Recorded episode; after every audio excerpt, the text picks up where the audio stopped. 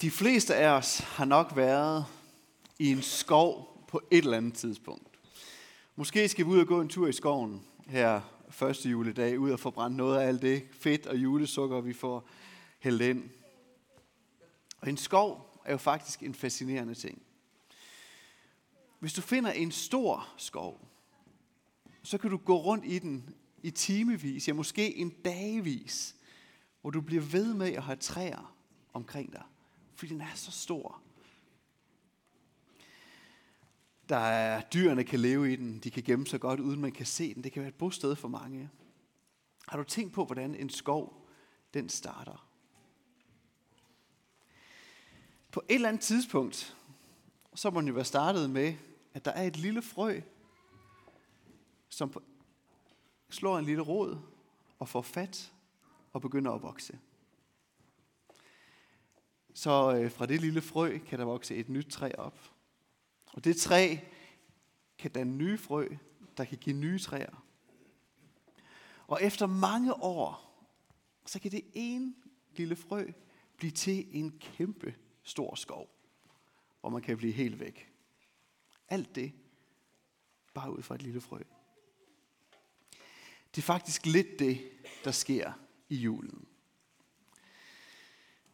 Fordi det hele det startede med, at Gud han skabte alt, og Gud han er over alt.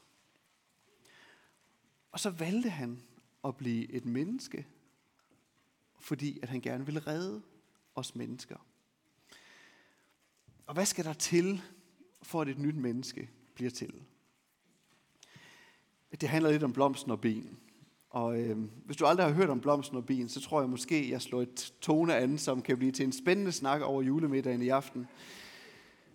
Når et nyt menneske skal til, så skal der en æg, som kvinden har. Og det æg er 0,15 mm stort. Det er altså meget, meget småt. Kan I se den der? Det er et meget, meget lille æg. Og så skal der også en sædcelle fra manden, og den er faktisk endnu mindre. Den er 0,05 mm. Det er altså meget, meget småt. Gud havde udvalgt sig Maria, og hun havde ægget i sig. Og hun blev gravid med Helligånden, står der. Prøv at se, Halvdan han læste teksten, hvor der stod sådan der. For det barn, hun venter, er undfanget ved Helligånden. Hvis man nu er lidt frisk, så kan man måske sige, at Gud gjorde sig til en sædcelle på 0,05 mm stor det er altså småt. Og den lille bitte, nærmest usynlige begivenhed, blev starten på, at Gud blev menneske til frelse for hele verden. Så lille og ubetydelig en begivenhed blev til liv for så mange. Nogle gange, når vi håber på, at forandringen skal ske, eller der skal ske noget nyt og noget vigtigt, så kan det godt være, at vi kigger efter et eller andet imponerende. Et eller andet stort, der ligesom kan rykke ind. Gud, han kunne jo være kommet på en ildvogn med tre meter høj engle, og bare landet på jorden, sådan, og lige fjernet et par bjerge på vejen. Fordi han er mægtig. Så vil det være tydeligt at se, yes, nu kommer der noget, nu sker der noget, der virkelig kan gøre en forskel i den her verden.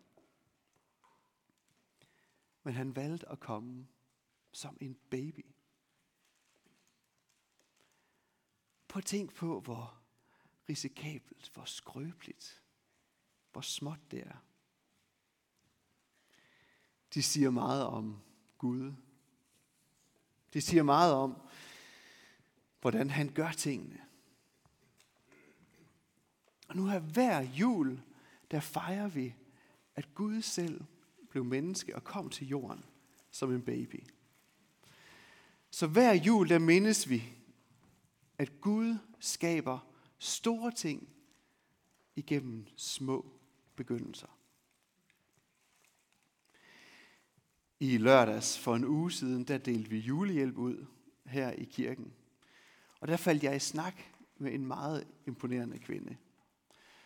Hun fortalte mig, at da hun gik i 10. klasse, der var hun i et uh, trafikuheld, og hun endte i koma, hvor hun måtte ligge i flere dage.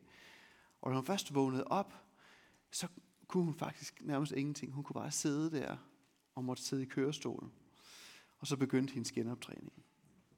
Hun måtte genoptræne i lang tid. Og da jeg mødte hende der for en uge siden, jeg kunne ikke se på hende, at der var sket noget. Så hun, hun var virkelig kommet til kræfter igen. Det var jo også mange år siden, det var sket. Og jeg så hende der, hun var der sammen med hendes datter, som øh, var fem år gammel. Og jeg kunne se den glæde, der var ved hinanden. Og øh, hun fortalte mig, at øh, hun havde siden ulykken, der havde hun øh, øh, også fået nogle udfordringer, som gjorde, at hun var på førtidspension. Men hun havde lært, at man ikke skal give op, og man skal kæmpe. Så det har hun gjort. Da hun havde fået den der lille datter, så tog de på den lokale legeplads.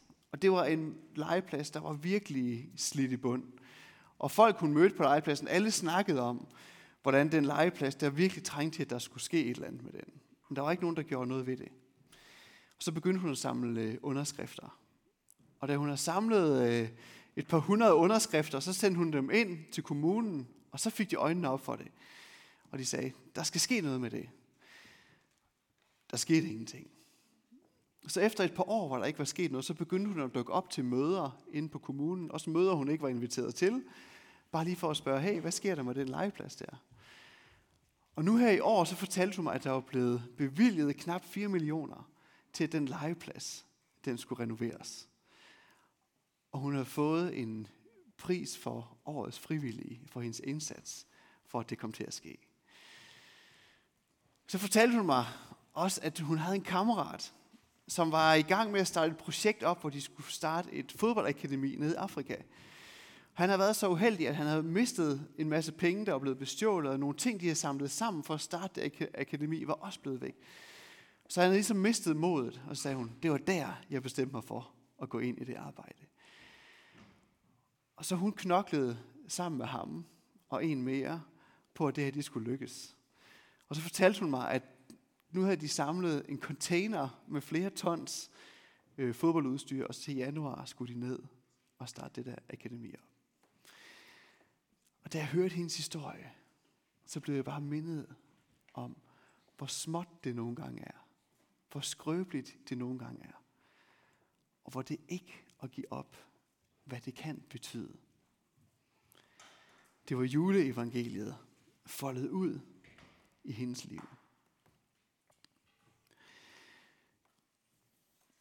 Hvad drømmer du om og håber på i forhold til, hvor der var kommet liv? Hvor håbet må indfinde sig. Det kan være, at du står i en svær relation. Et venskab, som måske er vanskeligt at være i, hvor man har fået afstand. Det kan være, at du kan plante et lille frø der. Et smil. Eller sende nogle opmuntrende ord. I håb om, at den afstand, den må forsvinde. Og der må være fællesskab igen.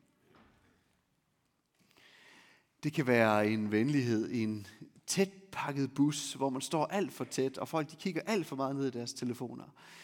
Hvor man giver pladsen til en anden. Eller måske man ser en af de andre i bussen i øjnene, sender dem et smil.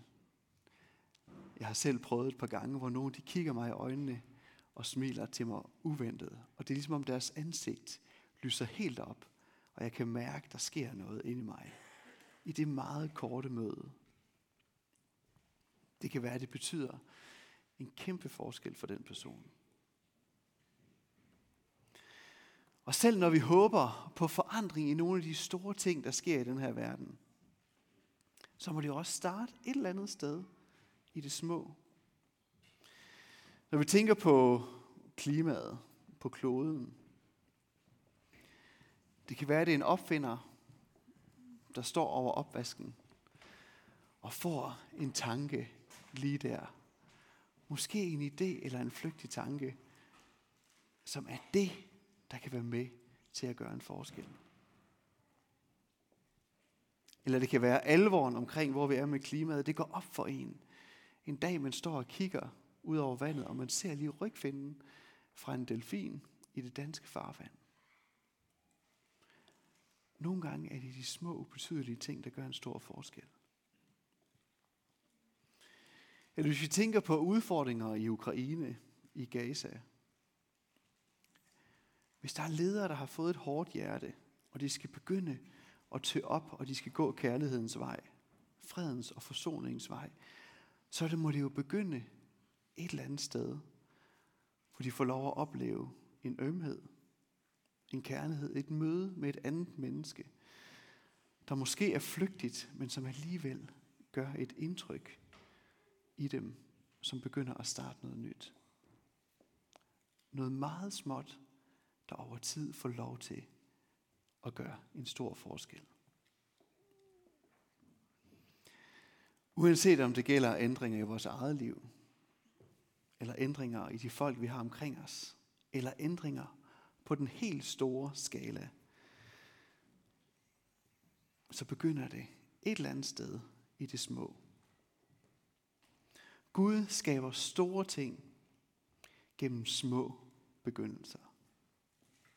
Det minder julen os om. Så lad os ikke overse de små ting.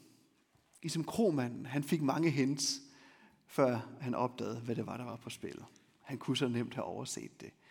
At verdens frelser lå i en lille krybbe ude i hans stald. De små begyndelser rummer nogle gange de største mirakler. Så vi må aldrig miste håbet og troen på, at Gud skaber store ting gennem små begyndelser. Lad os bede sammen. Gud, tak fordi, at du aldrig har givet op på den her jord. At du aldrig har givet op på os. Men at du igen og igen starter små ting, som kan få stor betydning. Gud, tak, at du er sådan.